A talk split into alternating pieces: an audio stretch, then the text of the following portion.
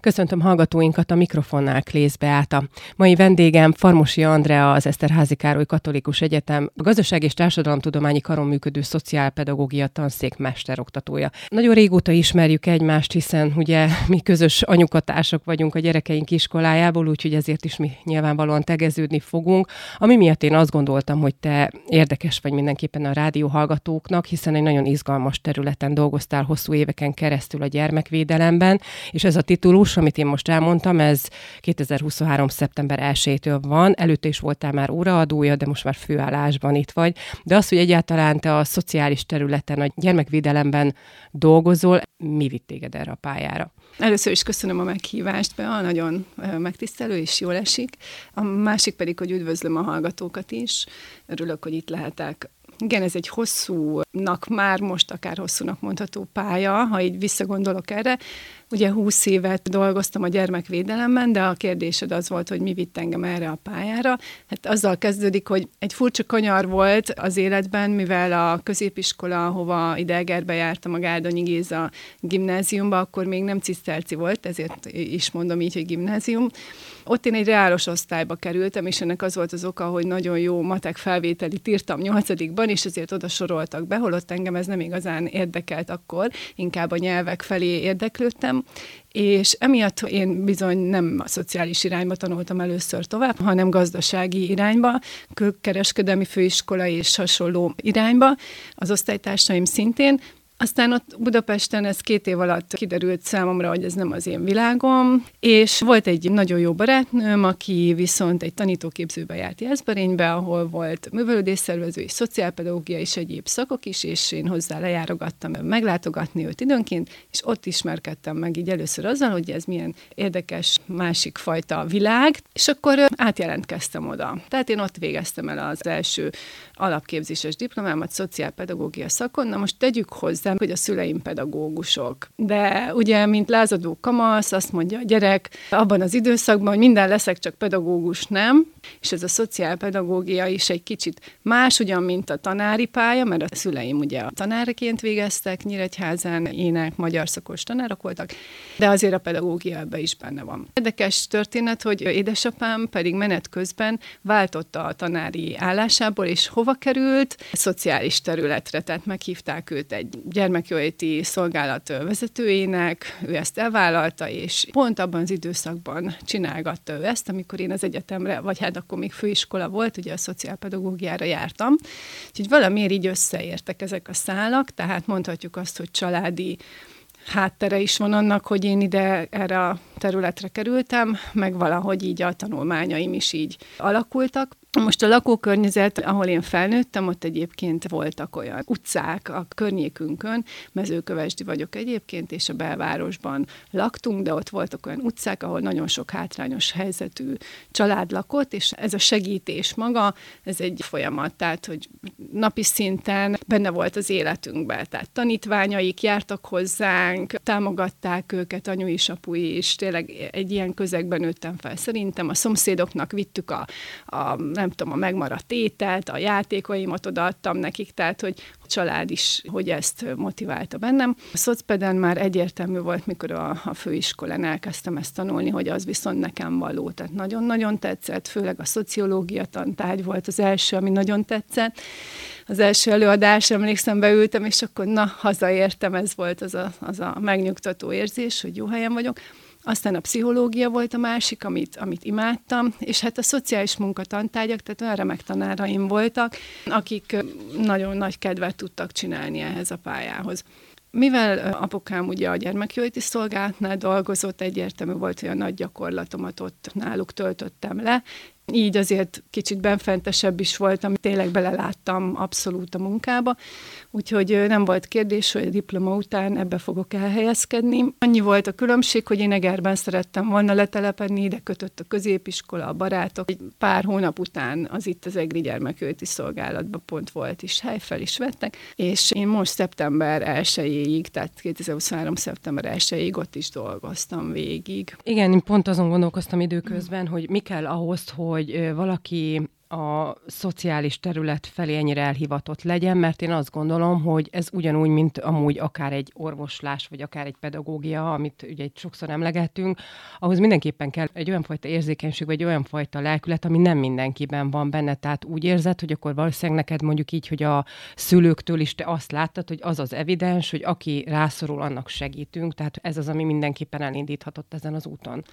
Biztos, hogy van ebben egy ilyen hát tér is, bár éppen a mostani években szoktam ezen gondolkozni, hogy ugye nekem két kamasz gyermekem van, és egyikben sem bimbózik ez a fajta szemlélet. Valahogy nem annyira nyitott. Gondolkoztam azon, hogy ez a mostani generáció miatt van-e így, tehát hogy ők kevésbé érzékenyek talán szociálisan, de ez se biztos, mert amúgy meg ha olvasgatom a posztjaikat, megnézem a megosztásaikat, ott igenis, hogy sok ilyen segítő szándékú tartalmat olvasnak ők, de ugye gondolom ez a szülő elleni lázad átadásos időszakban vannak most még benne, hogy, hogy ők sem. A másik meg lehet, hogy ahol ők tanulnak éppen, ott nem ez a fajta érdeklődés vagy közösség van. Kérdés, ez majd később derül ki, hogy a családnak ebben mennyire is van szerepe, tehát nálam biztos volt egy hatása, mert most már így visszagondolva azok a példák a fejembe vannak, amikor gyerekkoromban együtt mentünk és segítettünk, és hozták a apukámék a gyerekeket haza. De én azt is gondolom, hogy ez egy személyiség kérdése is, vagy egy személyiségtípus,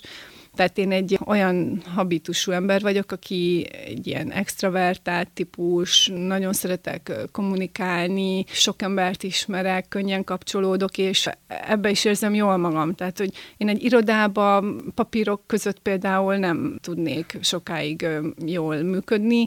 Ez egy olyan szakma, amihez pont ezek a készségek kellenek. Úgyhogy én ezt így megtaláltam. Azt persze az üzleti életben is biztos hasznos lehetne, de ott meg valahogy hiányozna ez a fajta karitatív vagy segítő része a, a munkának. Ez a 20 év a gyermekvédelemben, ez egy, fú, tényleg egy olyan órákig, napokig, hetekig boncolgatható téma lenne.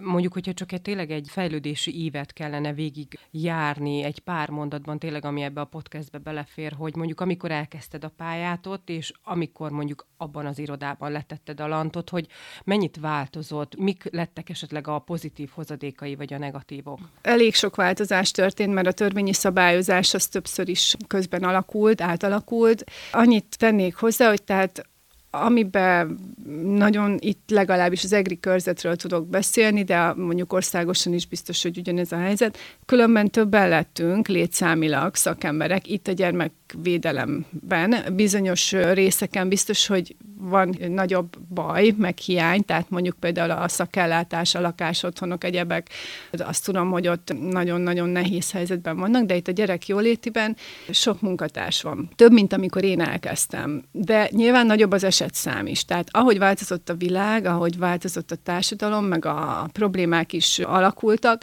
sokkal több és összetettebb munkát igényel már ez az ellátás, amikor elkezdtem még, nem azt mondom, hogy gyerekcipőbe járt, tehát ugye 97 óta van hivatalosan gyerekvédelem Magyarországon. Én amikor elkezdtem 2002-ben, akkor már azért rendezett volt, intézményileg is, meg háttérileg is, szakemberanyagban is, így mondom, de az eseteket tekintve nem voltak ilyen összetett, súlyos, komplikált ügyek, mint most, amikor már eljöttem onnan. Itt a legjobban példának ki tudnám emelni a kapcsolattartásos ügyeket, tehát a, amikor elválnak a szülők, és ugye a, a gyerekláthatáson vannak a viták, egész súlyos jogi vitákig el tudnak menni, vagy akár családon belüli erőszak, akkor a szenvedélybetegségek is, tehát vagy az, hogy jobban felszínre jönnek, de én azt gondolom, hogy inkább több is a probléma. Na most, ami meg nehezebb még, én így láttam ezt a, az adminisztrációs részet, tehát ez a bürokratikus része az, hogy az adatvédelem, mindent lepapírozni, hogy minek milyen következménye lesz, hogy ugye bejött az elektronikus adattárolás, iszonyat bonyolult rendszereket kell működtetni, ezek nagyon leterhelik különben a szakembereket, és elvették azt a lehetőséget, vagy azt a felületet a szakembertől, amit inkább az emberekkel lehet tölteni, és magára a segítő munkára lehet fókuszálni.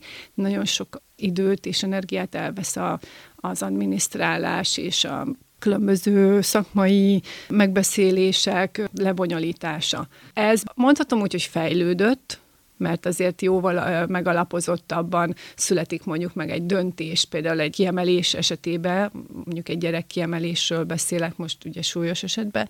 Biztos, hogy az jó, hogy jobban körbe van járva, meg többfelől, meg rengeteg papírral alá van támasztva, de maga az emberi részére így kevesebb jut a szakembereknek tényleg nagyon magas fokú elhivatottság kell ehhez a szakmához, de mondjuk hogyan lehet főleg amióta te is családanya vagy, szerintem amikor az ember anyává válik, akkor különösebb, még érzékenyebbé válik ugye a gyermekeket érintő bármilyen problémára.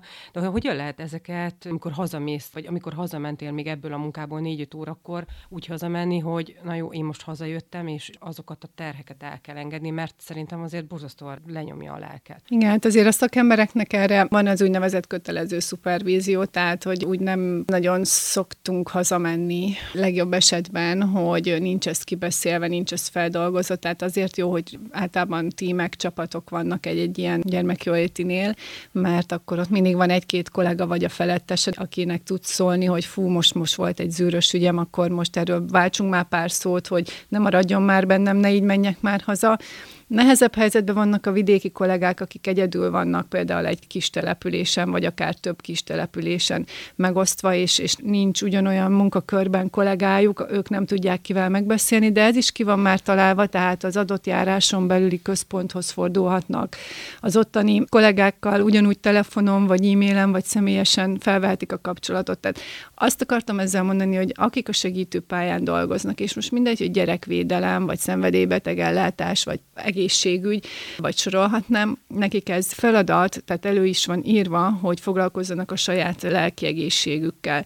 Ezt az ő felettesük biztosítsa számukra ingyenesen, hogy hozzáférjen egyéni vagy csoportos pervízióhoz valamilyen segítséget, tehát ez felelősségünk is, hogy foglalkozzunk magunkkal, hogy ne úgy menjünk haza. A családanyaságra visszatérve viszont abban van egy olyan érdekes csavar, hogy amikor már gyermekem lett utána, nem azt a részét éreztem soha, hogy még jobban megráz mondjuk egy gyereknek az esete, hanem ugye egy kicsit ez az összehasonlítási alap, ez erőt adott arra, hogy ha hazamentem, akkor azt tudtam mondani, hogy én jó anya vagyok, én jól csinálom, tehát hogy engem megerősített abban. Azt látom a környezetemben, mondjuk a barátok, vagy szomszédok, vagy rokonok körébe, akik nem foglalkoznak szociális ügyekkel, meg nem látnak ezekbe a családok életébe ennyire bele, hogy ők a saját kis köreikkel vannak csak elfoglalva. Tehát nekem valahogy ez a látóterem szélesebb, hogy hogy élnek az emberek. Úgy mondom, hogy itt Magyarországon.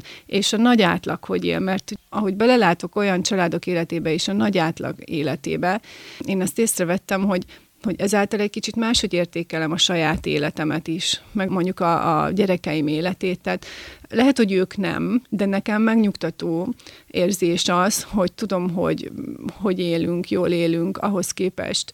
Ha van is valami probléma, akkor azon nem úgy borulok ki rögtön, mint mondjuk egy, egy átlagember, hogy, hogy úristen, hova forduljak, mit csináljak, hanem akkor a fejemben vannak a, azok a megoldási módok. Szerintem ez magánemberként is sokat segít a szakembereknek, akik ebbe dolgoznak, hogy a saját életüket is kicsit máshogy lássák, vagy magukon is úgy tudjanak segíteni. Ha lokalizálni kellene a, a gyermekvédelmet, tényleg már csak egy kérdés foglalkoztat ezzel a területtel már, mint hogy így globálban. Mondjuk a legnagyobb problémák itt Heves megyében mik voltak az elmúlt húsz év alatt, hogy láttad? Tehát most, hogyha országos viszonyban nézzük, mert azt gondolom, hogy területenként más. Igen, hát ugye én itt, ahol dolgoztam, az az egri járás. Tehát azon belül is változóak a települések. Tehát vannak azért űrösebb települések, mint ugye vannak nyugodtabb települések is, és most szándékosan nem fogok megnevezni, de de hogy ahol több eset van nyilván, ahol nagyobb a szegregátum, vagy több a hátrányos helyzetű. De azért választanám külön nagyon a, a hátrányos helyzettel való foglalkozást, meg azokat a társadalmilag jellemző problémákat, amik a nagy átlagra, vagy a középrétegre, vagy akár a felső rétegre is ugyanúgy vonatkozhatnak, és ezek a magánéletből eredő, vagy a mentális, ugye amik nem anyagiak, de mondjuk az életmódból, vagy esetleg a kapcsolati rendszerből adódnak, és én azt mindig bonyolultabbnak láttam. És éppen ezért emelném ki, én nem a hátrányos helyzetet itt a mi járásunkban, mert országos szinten nem mi vagyunk a legrosszabb helyzetben, azért megnézhetnénk Borsodot, vagy bármit ugye keletebbre, hogyha megyünk, hanem ezeket, amit már említettem, ezek a kapcsolati erőszak, vállás, kapcsolattartási problémák nagyon bonyolultak. Tehát itt a szakemberek is nehezen bírnak el ezzel, mivel jogi kiskapuk, jogi rések, jogi akadályok vannak, akkor azok az ügyfelek, akik magasabb szintekről jönnek, ők ugye nagyon tudják a jogaikat, nagyon képbe kell lenni, nagyon megterheli ez a, főleg mondjuk egy fiatalabb, egy pályakezdő kollégát, amikor őt megfenyegetik, vagy sarokba próbálják szorítani, ugye jogi formulákkal, mert hát azért itt erőszakos emberekről is beszélünk, gyakran ugye védik a saját érdekeiket. Tehát ha a mi járásunkat nézem, amik megszaporodtak, legbonyolultabb, legnehezebb esetek, az mindenképpen ezek a kapcsolattartásos, vállásos, láthatásos esetek, bántalmazásos ügyek az, hogy te 20 évig ezen a területen voltál, tehát azt gondolom, hogy tényleg nagyon masszív tapasztalatszerzési időszakon vagy túl. Ez a szakma, ez meg tipikusan az a szakma, amit úgy, hogy valaki kikerül az egyetemről és a különböző tudományos fokozataival, de nincs tapasztalata, nem valószínű, hogy úgy fogja tudni tanítani, hiszen neked meg hát gondolom más szakembernek is azért az, hogy te ebben élesben benne voltál, ez nagyon nagy segítség, hogy mondhatom ezt a szót, a szociálpedagógia szakos utánpótlásnak átad ezt a tudást. Említettem azt is, hogy ugye bár szeptembertől vagy itt teljes állásban, de már korábban is voltál óraadó tanár. Milyen volt a, a terepi munkáról így átkerülni a katedrára? Ez úgy volt, hogy ugye több területet is végigcsináltam én itt a 20 év alatt, tehát nem csak mondjuk egy szolgálatnál dolgoztam, hanem azon belül többféle terület is létezik. Tehát van a hatósági munka, van a terepmunka, aztán van az iskolai munka, és a legvégén én az utolsó öt évben az iskolai szociális segítéssel foglalkoztam kifejezetten. Annak voltam két évig a koordinátora is, tehát abból eredt az, hogy engem már meghívtak külső óraadónak korábban is ide a szociálpedagógia pedagógia tanszékre, mivel hogy ez egy külön szakirány, az óvodai iskolai szociális segítés, és ennek a tárgyaiba oktattam én már kívülről. Beszélgettünk a tanszékvezető úrral, és ő mondta, hogy nagyon keresnek olyan embereket, akik tényleg a területről jönnek. Ugye nem csak én vagyok most itt ilyen, mert más mesteroktató is van, aki szintén a gyermekvédelem egy másik területéről, de hogy szakemberként szinte együtt kezdtük, ő is ide kerül. Kérdezted, hogy milyen itt átkerülni ide Ugye, mert én sokat hezitáltam, hogy most ezt a segítő pályát elhagyjam, ne hagyjam, és végül is nem teljesen hagytam el, mert ugye az oktatás oldalára álltam át, de az biztos, hogy ez egy nagyon nagy különbség, hogy itt mégsem végzem ezt a segítő munkát, tehát így fél év után már ezt érzem, hogy, hogy ez egy kicsit úgy hiányzik az életemből, mert az, hogy a hallgatóknak segítek azzal, hogy átadom a tudást, meg ezt így oktatom, meg kiviszem őket a terepre, tehát így kapcsolatban vagyok a gyakorlati helyekkel, mert ezt a feladatot is én kaptam, hogy koordináljam a terepgyakorlatokat. Tehát ilyen szempontból jó, mert a régi kollégáimmal ugyanúgy beszélek, meg felhívom őket, meg egyeztetünk, meg küldöm oda a hallgatókat, meg hasonlók. De hogy az nagyon hiányzik, igen, hogy én embereknek segítsek. Ezt, hogy oktatók a hallgatókkal konzultálunk, ők is kérnek segítséget, ez ugye nem ugyanaz. Úgyhogy ezt még nagyon meg kell szoknom, de át kell állnom arra, és ugye ez az én döntésem volt, hogy eltelt ez a húsz év, amin belül amit lehetett, ebbe itt úgy érzem, hogy elértem. Ha még maradtam volna, akkor ott úgy egy kicsit ez, ez ugyanaz lett volna még éveken keresztül. Most lehet, hogy változik mondjuk egy pozíció, vagy egy körzet, ahova az ember kerül, de nagyjából akkor is ugyanaz. És rájöttem arra, hogy a szakmáért tudok tenni egyéb irányokból, vagy oldalakból is, és itt most pont ezt szeretném valahogy megvalósítani, hogy itt a felsőoktatásban most már kezdem látni, hogy milyen módon lehet ezt a szakmát mégis próbálni fejleszteni. Tehát, hogy egy picit így felülről ráhatni, vagy kívülről, mert ott belülről már nem lehetett jobban. Vannak olyan törvényi szabályozások, vannak olyan megítélések magasabb szinteken, amiket ott szakemberként nehéz hangoztatni, de mondjuk egy kutatóként, vagy mondjuk egy egyetemi oktatóként, akár egy konferencián, akár egy publikációval, ezeket azért már jobban ki lehet terjeszteni, és most én ebbe látok lehetőséget nagyon. Tehát azon túl, hogy ezt most tanítsam meg, adjam át a tudást, mert ez ez egy alap, de én ezen sokkal tovább tekintek most, tehát sokkal messzebb próbálok nézni, hogy magát ezt a szociális területet hogyan lehetne megtámogatni, most már innen a kutatási és tudományos oldalról inkább. Uh-huh. Januárban beszélgetünk, és február közepén van minden évben a továbbtanulási szándék leadása. Akár még mondjuk a te főiskolás éveidben, meg akár most is, hogy látod ezt a szociálpedagógia területet? Az érdeklődők, a hallgatók száma mennyiben változott? Pontos számokat nem tudok mondani, de az biztos, hogy az elmúlt egy-két évben duplázódik a, a jelentkezők száma ide. Ha csak az egri szociálpedagógiát nézem, mert ugye ezt pont elemeztük nemrég, és most is nagyon várjuk azt, hogy sokan és többen fognak jelentkezni, ugyanis volt egy pár éve egy ilyen nagyobb visszaesés. Az úgy tűnik, hogy rendeződik, és azt gondolták itt a tanszéken is, hogy ha vagyunk akár tényleg ilyen mesteroktatók is többen, akkor ez is egy ilyen segítség abban, hogy még közelebbinek tudjuk ezt a szakmát bemutatni vagy átadni.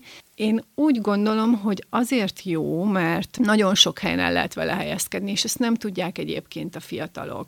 Nem egy olyanról beszélünk, mint mondjuk egy magyar szakos tanár, most mondtam egy példát, hogy ugye ő el tud menni iskolába magyar tanítani, de mondjuk nehezebben helyezkedik el, nem tudom, egy multinál, vagy egy bármilyen állami intézménynél, önkormányzat. Mondjuk a szociálpedagógusok akár még a multinál is el tudnak mondjuk egy HR osztályra. Én azt nem mondom, hogy ne tanuljanak még utána tovább, mert még az pluszba jót tud tenni, de ahhoz például egy tök jó alap. Mindenképpen emberekkel foglalkozó területek, abból nagyon sok van. Egészségügytől elkezdve, idős gondozás, szenvedélybetegellátás, iskolák, óvodák, kollégiumok, önkormányzatok, kormányhivatalok, tehát akármilyen adminisztratív munkakörökben is egészségügy, alapítványoknál, egyházaknál, tehát annyiféle civil, civil szervezet van, igen, ahol ugye szociálpedagógusokat alkalmaznak, mert nagyon sokféle tudást kapnak ők meg, tehát a pszichológiai alapokat, a szociológiai alapokat, akkor ugye a, a jogi alapokat, azért más, mint a szociális munka, mert még pedagógiai képzést is kapnak, tehát ezért mondtam az óvodákat, iskolákat kifejezetten, és hát gyerekvédelem az meg hatalmas, tehát azon belül is ugye nagyon sok felé lehet vele menni. Rengetegféle mesterképzés épül rá. Tehát itt Egerben is van egyébként mesterképzés, szociálpedagógia is, illetve most is indul egy olyan új mesterképzés, ami mentálhigiénés, közösségi szervező, ez egy új dolog. Ez is egy nagyon érdekes, már most hirdetjük, tehát erre majd lehet jelentkezni szeptemberre. Indul. Gondoskodás politika, ez szintén egy újabb képzésünk, ami budapesti képzési helyel fog indulni, ez főleg inkább vezető kiegészítésnek jó, tehát ilyen vezetőképzés se legyen értékű mesterdiploma. Tehát, hogy egyébként sok mindent lehet utána sok felé menni. Pszichológiára, jogi egyetemre, kinek milyen érdeklődési köre van, azt vettük észre, szociálpedagógiával elkezdi, és akkor utána folytatja még valami más irányba. Vannak, akik maradnak oktatónak, itt is van most olyan kollégám, aki itt végzett, aztán maradt az oktatói székben, és már doktorált azóta, tehát nagyon ügyes. Mennyire jellemző az, hogy ez a terület, és most a szociálpedagógiát, mivel te itt tanítasz, ezt ragadjuk ide a szociális munka, szociológia, vagy bármilyen társadalomtudományi területre, kifejezetten hátrányos helyzetű jön. Tehát mondjuk, hogyha az Eszterházi Károly Katolikus Egyetem képzés kínálatát nézzük, és tudom, hogy működik nálatok ugye a Roma szakkollégium, nyilván látjátok ugye a hallgatókat is, hogy ki milyen szakra jár. Többen vannak itt a szocpet tanszéken. Nem, nem, egyáltalán. Tehát például a Roma szakkollégium, tök jó, hogy megemlítetted, ugye ez egy nagyon fontos tevékenység eh, itt a szociálpedagógia tanszéket, ez egy országos hálózat, és itt is működik az EGRI Egyetemen nagyon aktívan, tehát sok rendezvény van, elég magas taglétszámmal, 25 vagy 27, nem is tudom pontosan hányan, mert ugye a Jászberényi kampusszal együtt van az EGRI Egyetem, és akkor onnan is vannak roma szakkol is tagok. A szociálpedagógus néhány van közülük csak, tehát teljesen más médiaszak, szőlészborász, mindenféle van, tanárok. nem feltétlenül erre. Na most a roma szakkollégiumban de, tehát hogyha most ezt kérdezted, ő náluk ugye ezt feltétel. Ez egy másik szerveződés, ez nem a szociálpedagógia tanszék. Konkrétan ugye arra lehet jelentkezni minden szakról az egyetemen. Az csak annyi, hogy annak a vezetője, ugye a mi tanszékvezetőnk dr. Hadnagy József, és akkor így a mentorok is a mi tanszékünkről dolgoznak benne, tehát én is mentorálok például, de mindenféle szakról vannak benne hátrányos helyzetű hallgatók. Nyilván egy-két fiatalnak van ilyen motivációja, hogy igen, valakit láttam, aki nekünk segített, vagy, vagy esetleg én majd szeretnék segíteni a saját köreimbe, és akkor ezért elvégzek egy ilyet. De nem feltétlenül, tehát nagyon vegyes a kép. Egész jómódú, mindenféle rétegből vannak hallgatók ahogy említett, hogy hál' Istennek megint nagyon nagy a jelentkezés, illetve a túljelentkezés, akár ide az EGRI képzésre is.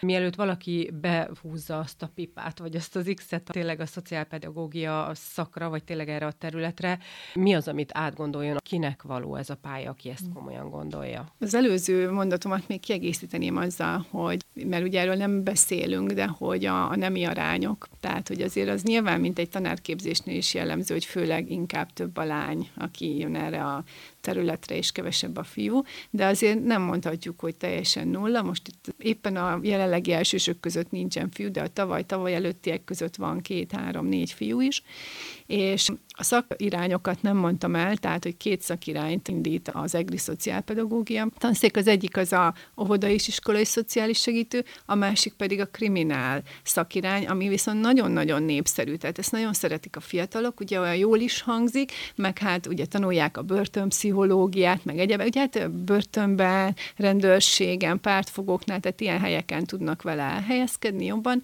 Aztán erre van utána mesterképzés is, tehát kriminológus, meg hasonló fiatalok, ezekre szoktak ők tovább menni. Erre például a fiúk jobban jönnek, és most is az egyik évfolyamban, hogy van vagy három fiú, azt hiszem az egyik talán óvodai iskola is, de a másik kettő, hogy hát ők majd ilyen rendvédelmi szervnél akarnak így szociálpedagógusként elhelyezkedni, és erre bőven van lehetőség, és keresik is nagyon a fiúkat. Tehát ezen a pályán, hogyha valaki ezt elvégzi, utána biztos, hogy válogathat az állás lehetőségek közül, és azt gondolom, hogy olyan területek, tényleg, mint egy rendőrség is, vagy bármi, tehát fizetésben is ugyanúgy megkapja azt a magasabb bérezést, ugye, amit már ott a rendőrtisztit végzettek, uh-huh. hogy kinek való. Mindenképpen nyilván érzékenynek kell lenni, empatikusnak kell lenni, de ezek a dolgok még alakulni és fejlődni fognak a képzés során. Tehát olyan tantárgyak vannak, nem csak ezek a lexikális tudás és mondjuk a terepgyakorlat, hanem a készségfejlesztésre nagyon rámegy a képzés. Tehát a szakmai önismerettől elkezdve tényleg a az olyan konfliktusközelés és egyebek, amit így a saját élményen keresztül vesszük át a hallgatókkal. Egyrészt ki is derül az elején, hogy erre alkalmas-e valaki, vagy, vagy tetszik-e neki, másrészt pedig fejleszt is tehát nagyon sokat fejleszt szakmailag, a szakmai készségeket, meg emberileg is. Rajtuk ahhoz, hogy aztán alkalmasak legyenek egy ilyen emberekkel foglalkozó pályára, tehát hogy ők, ők érzékenyebbek legyenek egy kicsit, nyilván nyitottnak kell lenni, a kommunikációs készségeknek azért fejletnek, jónak kell lenni ehhez, a kíváncsiság szerintem, a nyitottság, az, az érzékenység, meg hát azért egy teherbírás is, szóval az, hogy testileg, lelkileg itt azért vannak kihívások, és ezzel tisztába kell lenni. Hát kívánom neked azt, Andi, hogy ahogy húsz év alatt megtaláltad a gyermekvédelemben a terepen a, a munka szépségét és mindenféle kihívását, így most az oktatásban ugyanúgy legyen meg, hiszen még valóban fél évve vagy itt, még most csak szinte kóstolgatod ezt a területet, de én azt gondolom, hogy itt is helyt fogsz állni. Farmosi Andrea, köszönöm szépen. Nagyon szépen köszönöm én is. Kedves hallgatóink, átát hallották.